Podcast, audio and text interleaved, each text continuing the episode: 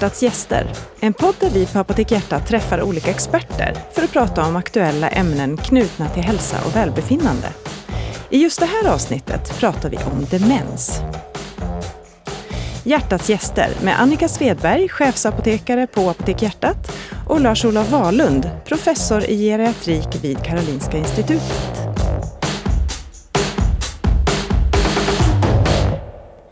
Vi är många som har eller har haft en äldre släkting som har drabbats av demens och sakta glidit iväg från oss. För min egen del så handlade det om min mormor som redan vid 60-65 års åldern började glömma var hon hade lagt handväskan eller glasögonen. Och det var inte då och då, utan det var verkligen hela tiden. Och efter ett antal år hade hon faktiskt också glömt vilka vi var, hennes egna barn och barnbarn. Det finns ju många dråpliga historier under de här åren som jag minns och faktiskt kan skratta åt också. Men framförallt så känns det sorgligt att vi i förtid miste denna fantastiska, intelligenta, omtänksamma och snälla mormor som hon ju faktiskt var. Om min mormor hade Alzheimer eller om det var någon annan typ av demens, det vet jag faktiskt inte säkert. Och jag är också lite osäker på vad det är som skiljer de här olika demenssjukdomarna åt när det gäller hur de uttrycker sig. Men det och mycket mer hoppas jag att vi får svar på idag när vi har bjudit hit Lars-Olof Wahlund. Varmt välkommen till Hjärtats gäster, Lars. Tack så mycket. Jag skulle vilja börja med att ställa ett par frågor för att lära känna dig lite bättre. Lars-Olov. Och då undrar jag ju först vad det var som gjorde att du fick upp intresset för ämnet geriatrik, det vill säga sjukdomar hos äldre. Ja, det var så att från början är jag är fortfarande utbildad psykiatriker, men det var det jag började min bana med. Mm. Eh, men mot slutet av 80-talet så fick jag upp, eller började intressera mig för psykiatri hos äldre. Och på den tiden så var det inom det gebitet som personer med demens hamnade så att säga. Och det var så det började. Sen flyttade jag så småningom till Huddinge sjukhus och där var en, då hade man börjat med geriatriska kliniker och jag började arbeta där och hade ett fortsatt intresse av just eh, personer med demenssjukdom. Det var väldigt outforskat på den tiden, så det var väldigt pionjärarbete man fick göra. Och det var spännande. Sen har jag ett speciellt intresse och det gäller avbildande tekniker, att röntga eller som jag höll på med med magnetkameran, att avbilda hjärnan med magnetkameran. Och jag, det har jag gjort mycket kring just eh, olika typer av demenssjukdomar. Framförallt hur man ställer diagnos men även hur man kan följa behandlingar när man utvecklar nya läkemedel. Mm. Spännande. Och apropå spännande då, vad tycker du är det mest spännande i ditt jobb idag? Ja, det är att vi får lära oss mer och mer om hur hjärnan fungerar. Eh, demenssjukdomar drabbar ju hjärnan och det, när man studerar de sjukdomarna så måste man lära sig att förstå hur hjärnan fungerar. Och det tycker jag är spännande. Sen är det också spännande att vi eh, just kunskapen kring demenssjukdomar har ökat så enormt de sista 5-10 åren. Och det är också roligt att få vara med i det arbetet så att säga. Och sen att vi så småningom i alla fall kommer med stor sannolikhet hitta en behandling mot till exempel Alzheimers sjukdom. Det låter fantastiskt. Men innan vi går in på Alzheimer då så tänkte jag att vi skulle reda ut vad demenssjukdomar överhuvudtaget är. Mm. Vad säger du? Demenssjukdomar är ett samlingsbegrepp för sjukdomar som leder till att man får problem med kognitionen, alltså sina intellektuella funktioner. Eh, det vanligaste som man tänker på är minnet, att minnet blir sämre.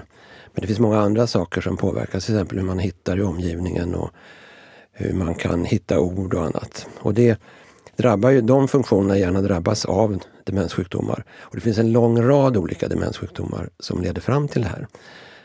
Eh, men den vanligaste är Alzheimers sjukdom. Mm. Eh, det här att man glömmer saker, det är ju ofta det man kopplar ihop som gemene man då med demens. Men jag som är ganska glömsk då, mm. kan ju ibland känna att herregud, vad är det här på väg? Men, och det finns ju andra som till och med är värre än mig då. Men man säger ju inte att all glömska är demens, eller hur? Nej. Nej. Ja, och i min ålder, alltså närmare mig 70, då är det ju väldigt vanligt att man glömmer. Så det, det finns ju ett normalt eh, åldrande som även drabbar glömskan. Mm.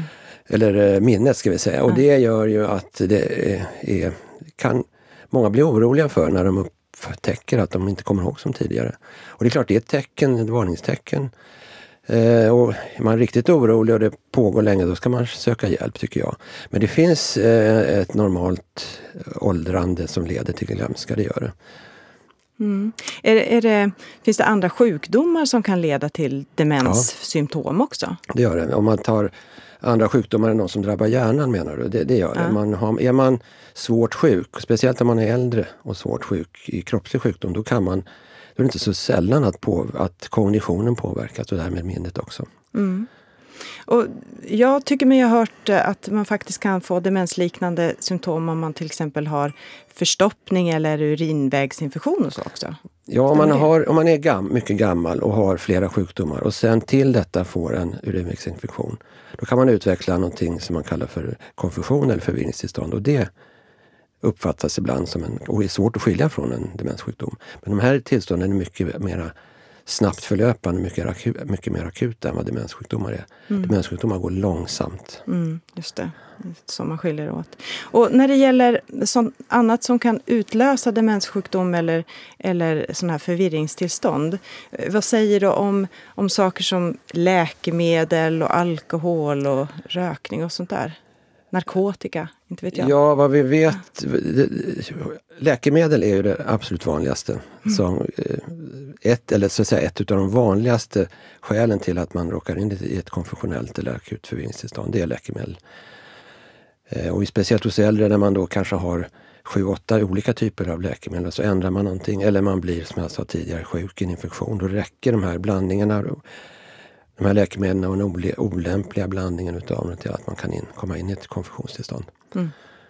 Men det försvinner då när man sätter ja, ut det här läkemedlet? om man korrigerar det hela och mm. behandlar på rätt sätt, då, då försvinner det. Mm. Ja, vi läste ju alla, eller hörde talas om det här fallet som man tog upp i tv här för några år sedan med en kvinna som hade levt väldigt länge mm. i något som alla trodde var vanlig demens och sen handlade det faktiskt om läkemedel. Precis. Ändå. Så att det är många läkemedel som används idag är, påverkar kognitionen och speciellt hos äldre människor. Mm. Och hur var det med alkohol och, och, narkotika, droger? Droger vet man inte så mycket om kan jag säga. Men alkohol vet vi lite mer om. Alkohol har ett komplext förhållande med demenssjukdomar kan man säga och kognitiva okay. sjukdomar. Ja. Det finns mycket, en del rapporter som säger att, eh, menar på att en måttlig mängd alkohol skyddar mot till exempel Alzheimer. Samtidigt så vet vi att ett långvarigt missbruk i många fall leder till en ganska rejäl demensutveckling. Och kunskapen kring det här är dålig. Vi vet alldeles för lite om det här och det är svårbeforskat och krångligt men eh, vi måste lära oss mer om det. Jag tror personligen att alkohol spelar en ganska mycket större roll än vad många andra tror mm. för utveckling av demens. Mm. Man brukar ju prata om rökningens koppling till demens också. Också komplicerat, kanske mer förr än nu. eh, eh, samma sak här, rökning innehåller, eller cigaretter och nikotin innehåller ju nikotin som jag sa. Mm, mm. Och det har ju påståtts eh, ha en positiv effekt vid Alzheimer. Det tror vi inte längre på. Utan en sammanlagda... Positiv, alltså att det utvecklar? Nej, bra Eller? för. En bra ja, effekt, mm. jaha. Nikotinreceptorer är någonting man talar om. Ja, ja. Eh, och de skulle ha en positiv påverkan om de stimuleras av, av nikotinet. Vi tror inte riktigt på det nu utan nu får man nog se den sammanlagda effekten av rökning i form av kärlskador är, är skadlig. Okay. För, för hjärnans kärl och det kan mm. försämra. Och kanske vara en grund till, en bakgrund till att man utvecklar en vaskulär demens. Just det. Min mormor rökte ju väldigt, mm. väldigt mm. mycket och hade en en man, min morfar, han rökte också väldigt, okay. som utsattes för passiv rökning också. Eh, vilket vi tror kanske hänger ihop med det här. Men det är ju väldigt mycket tro förstås. Mm. Men när det gäller då de här olika typerna av, eh, av demenssjukdomar. Alzheimer har du nämnt. Vaskulär demens har vi nu. Vad är det för någonting? Eh, blodkärlsrelaterad demens, då eh, uppstår de här kognitiva problemen och så småningom demensutveckling. Den uppstår på grund av kärlskador i hjärnan. Bakgrunden är nästan alltid åderförkalkningssjukdom. Mm. Åderförkalkningssjukdomen drabbar ju hela kroppens kärl. Men om man då, är, om de då särskilt drabbar hjärnan så får man effekt av det i form av en demensutveckling. Mm. Det, och den skiljer sig från Alzheimers sjukdom kliniskt på många sätt. Men det finns också likheter. Men det viktigaste som vi vet nu är att blandformen mellan demens, Alzheimers demens och vaskulär demens är väldigt vanligt. Okay. Och det har, hänger ihop med att båda två är vanliga i hög ålder och i hög ålder så har man ja, mycket kärlsjukdom. Mm. Men Alzheimer, om man särskiljer det då, vad är det som orsakar Alzheimers sjukdom? Ja, det vet vi inte. Vi vet det i några sällsynta fall, mindre än en procent av alla med Alzheimers sjukdom har det beroende på en genetisk skada, en mutation i en gen. Och den här mutationen ärvs i familjer. Så de här är familjärt anhopade. De finns inom vissa familjer där hälften av barnen drabbas av sjukdomen. Mm. Men det är alltså inte bara då att det är ärftligt utan det finns andra orsaker också? Ja, tror man, de, de mm. allra vanligaste skälen till varför man får det känner vi inte till. Men det är, då är det inte ärftligt utan det är andra saker som vi inte ännu vet särskilt mycket om. Mm.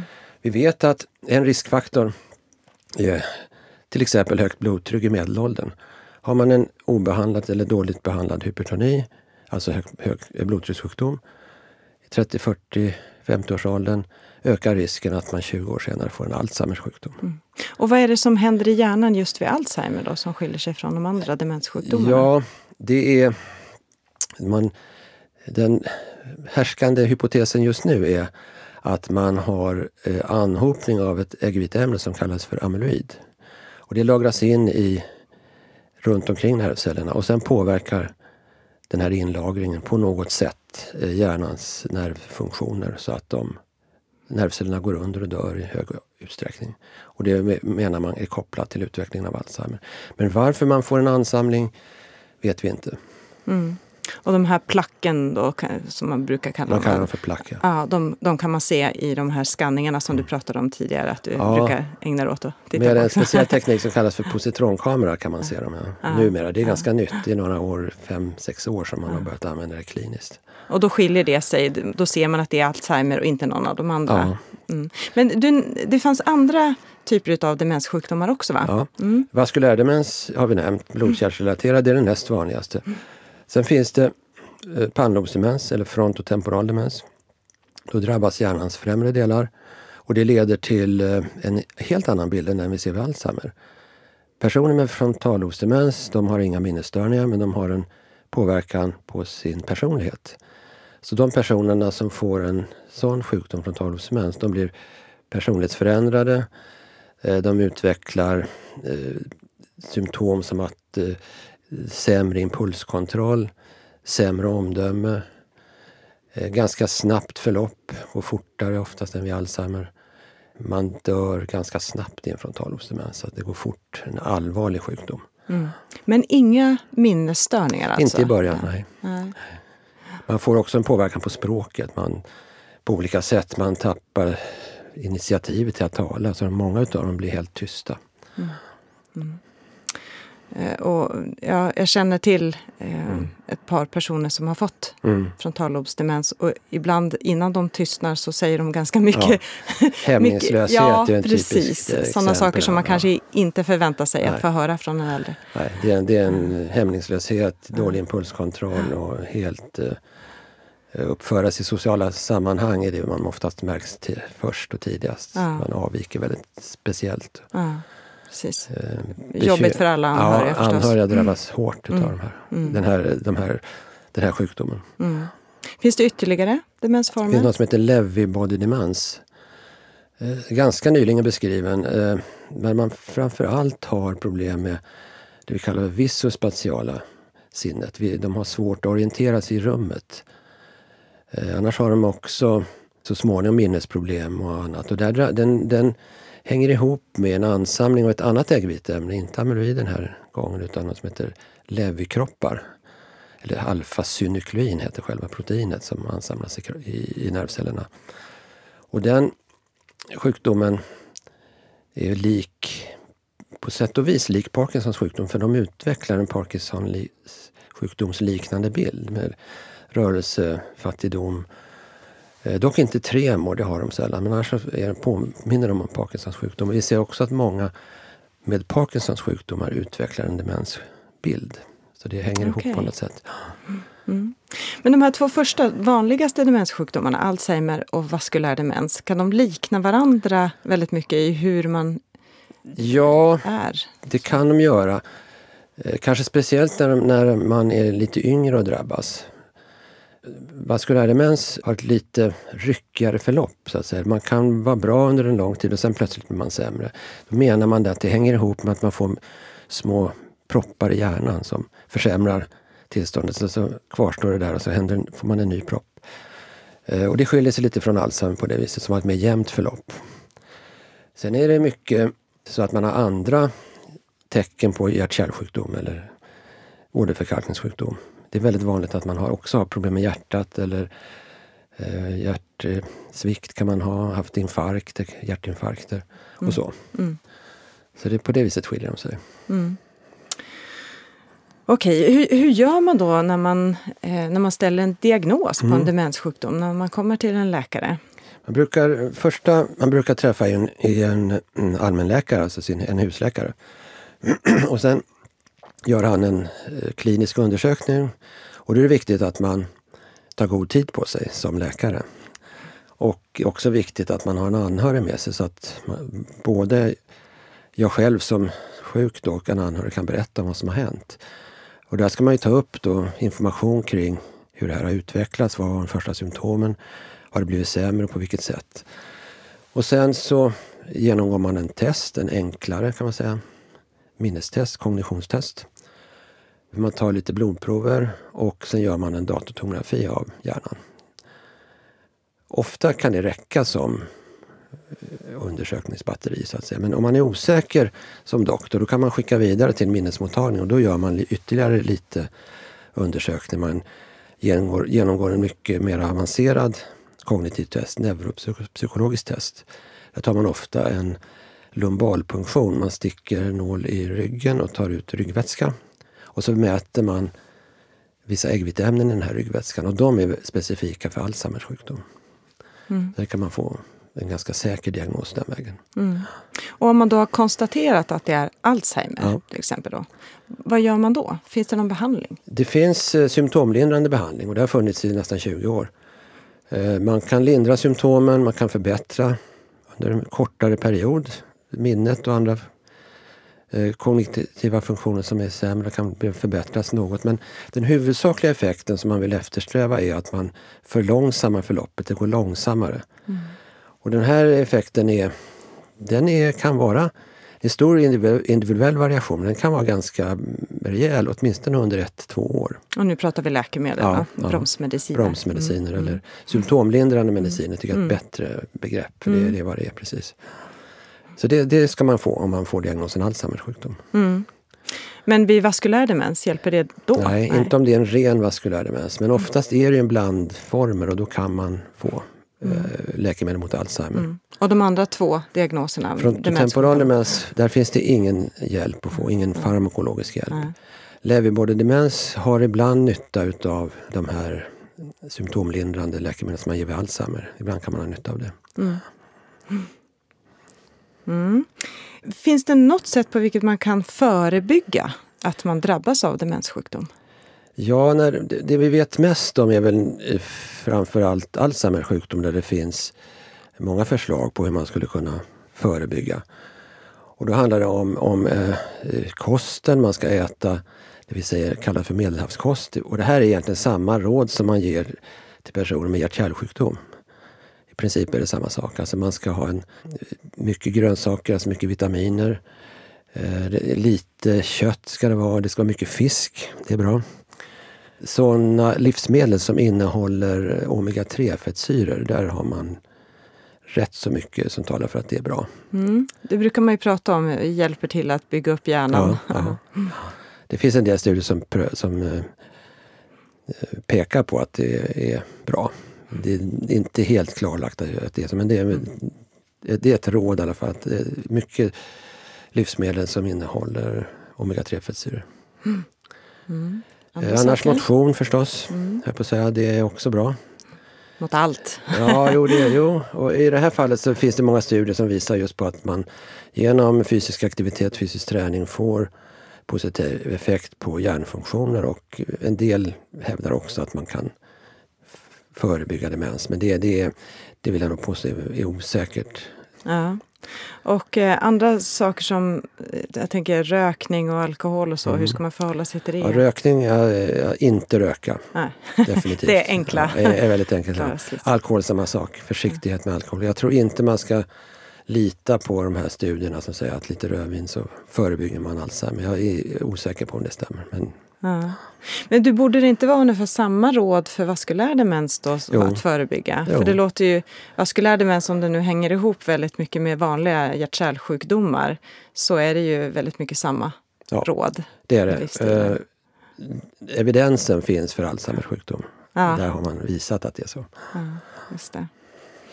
Och sen eh, ska jag lägga till att man ska se till att man behandlar, om man är hjärt-kärlsjuk och har till exempel högt blodtryck, då måste man behandla den. Och, det, det, Ja, och blod, höga blodfetter också, det nämnde jag inte tidigare men det är också en sån sak som vi känner till att höga blodfetter i medelåldern ökar risken Mm. Att insjukna i. Alzheimer. Mm. Mm. Ja, det vet jag för att återgå till min mormor igen då. Hon hade ju högt blodtryck Mm, mm. länge. Och jag vet inte hur, hur väl de lyckades behandla den på den mm, tiden. Mm. Men du, du sa också tidigt att, att eh, forskningen har gått väldigt mycket framåt under Mm. de senaste decennierna. Och, och vad kan du säga om det? Finns det något, för de här bromsmedicinerna som du nämner, de har funnits ganska länge nu. Är det någonting nytt på gång? Något annat sätt att behandla som man börjar närma Ja. sig?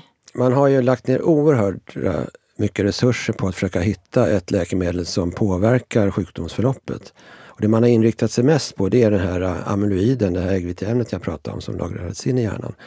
Och här har man en rad idéer på hur man ska ta bort det där. Och det har man eh, gjort otaliga försök med. Jag tror det är över hundra, det är hundratals studier.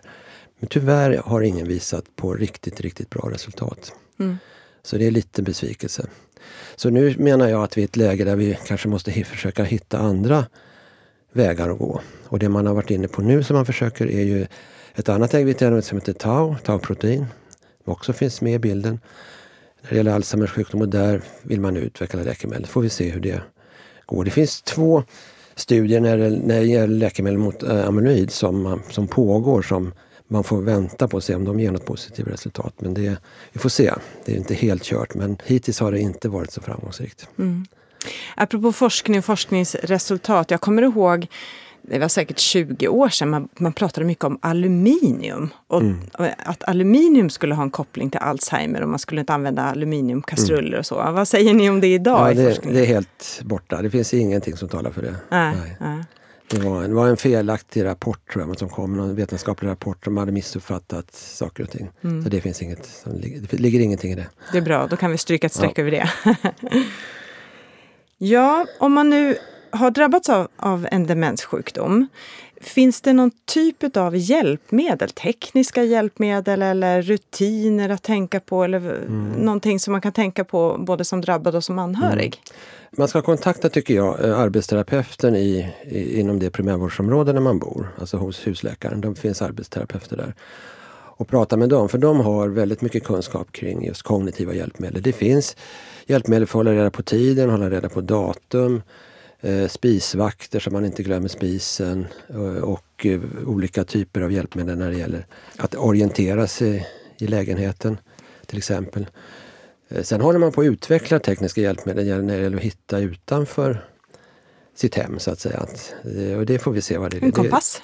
Ja, så det finns eh, mycket på gång där så att, som jag tror på ett eh, avsevärt sätt skulle kunna hjälpa dem som har svårt att hitta omgivningen. Ja, Vi får det. se, det kommer säkert. Ja, ja, det tror jag säkert med all digital Ja, utveckling som ja. sker nu och röststyrning och Precis. alltihopa. Mm. Mm. Ja. Om man nu vet om att man har Alzheimer i släkten eller någon annan demenssjukdom, finns det då möjlighet att ta reda på om man själv Mm. kommer att drabbas längre Mm. fram? Det gör den. Det finns eh, möjligheter till genetisk testning. Eh, man kan ta reda på om man har en sån här mutation som jag talade om i början. Mm. Och då får man reda på om man bär på mutationen men då måste man, menar jag, vara väldigt, väldigt noga med att tänka igenom innan man gör testet vad man gör med resultatet. För om man får reda på att man bär på anlaget då är det nästan säkert att, på att man får sjukdomen. Mm. Och, och vad ska man göra åt det? Mm. man kan hoppas på att det finns en behandling men samtidigt har, vi, har man då vetskapen om att man har en egentligen dödlig sjukdom som man bär på. Och det, jag, jag, tycker det är olämpligt. Jag skulle inte, och ingen rekommenderar att vi gör så heller. Det finns en komplicerad etik kring det här. Mm. Det är mm. väldigt etiskt knepigt tycker jag att mm. göra det. Det går att göra men det, jag rekommenderar inte att man gör det här. Inte så länge vi inte har en behandling som påverkar sjukdomsförloppet. Nej, Nej jag är benägen att hålla med dig där. Om, om du då skulle ge några tips som anhörig, vad, vad ska man stötta sin, sin demensdrabbade mamma, pappa respektive med att göra relativt tidigt då i sjukdomsförloppet och sent också kanske? Mm. Jag tycker man ska vara öppen med att man har till exempel Alzheimer. Man ska vara öppen med att man har minnesproblem. Därför att det kan vara, kan vara jobbigt men det är inte lika jobbigt att vara, ha minnesproblem när, om man är öppen med det som om man skulle dölja det. Då får man problem för det är så oerhört svårt att dölja de här symptomen man har för hela omgivningen. Och det bara går åt en enorm massa kraft till det. Så att det är mycket bättre att vara öppen med det, tala om hur det är. För då kan det fungera ganska bra om alla känner till att man inte kommer ihåg. Då anpassar sig omgivningen efter det. Det, det har jag mycket exempel på att det är så. Mm. Och då kan man leva ett ganska bra liv under rätt lång tid med den här öppenheten. Och, och för anhöriga och sjuka gäller också att man tidigt ska ta kontakt med kommunen där man bor. För dem, inom kommunen finns möjligheter att få också väldigt mycket hjälp. Så en kontakt där är bra. Och sen tycker jag man ska ta kontakt med någon av Demensförbundet eller Alzheimerföreningen i Sverige och få hjälp och stöd där. Där kan man också få möjlighet att gå med i olika grupper och träffa andra i samma situation, vilket är väldigt, väldigt bra. Mm. Ja, det måste och dela det, det här med andra, det är viktigt. Mm. Både för den drabbade och för de absolut, anhöriga kan absolut, jag tänka mig. Absolut. Ja. Det finns en fantastiskt fin film som jag vet att man gjorde på Demensförbundet mm. för något år sedan. Som handlar om de här grupperna där man får träffa mm. andra i samma situation. Som mm. säkert ligger tillgänglig på Youtube för den som vill titta. Jaha, Lars-Olof, då tror jag att vi får sammanfatta här. Jag känner att jag har fått lära mig en hel del om de här olika demenssjukdomarna. Jag tänker mycket på min mormor naturligtvis och, och um, vad som kommer att hända framöver med min mamma och hennes systrar, vad som kommer hända med mig. Eh, än så länge så ser det bra ut, men man vet aldrig. Det känns ju också som att forskningen går framåt. Det händer saker och vi lär oss mer och mer. Och, och redan nu finns det betydligt mer hjälp att få än vad det fanns när min mormor drabbades. Och vad säger du kring eh, prognosen framåt? ja, alltså det pågår ju väldigt mycket forskning nu och jag tror, eller övertygad om att det kommer att, vi kommer att så småningom lösa gåtan kring vad som orsakar Alzheimers sjukdom och därmed också hitta läkemedel som på ett påtagligt sätt förbättrar för de sjuka och kanske till och med kan stoppa sjukdomsförloppet. Det är intensiv forskning på många håll och eh, till slut så kommer man att lyckas. Och det tror jag inte kommer att dröja allt för länge. Det låter bra. Tack så jättemycket för att du kom till Hjärtats gäster. Tack så mycket.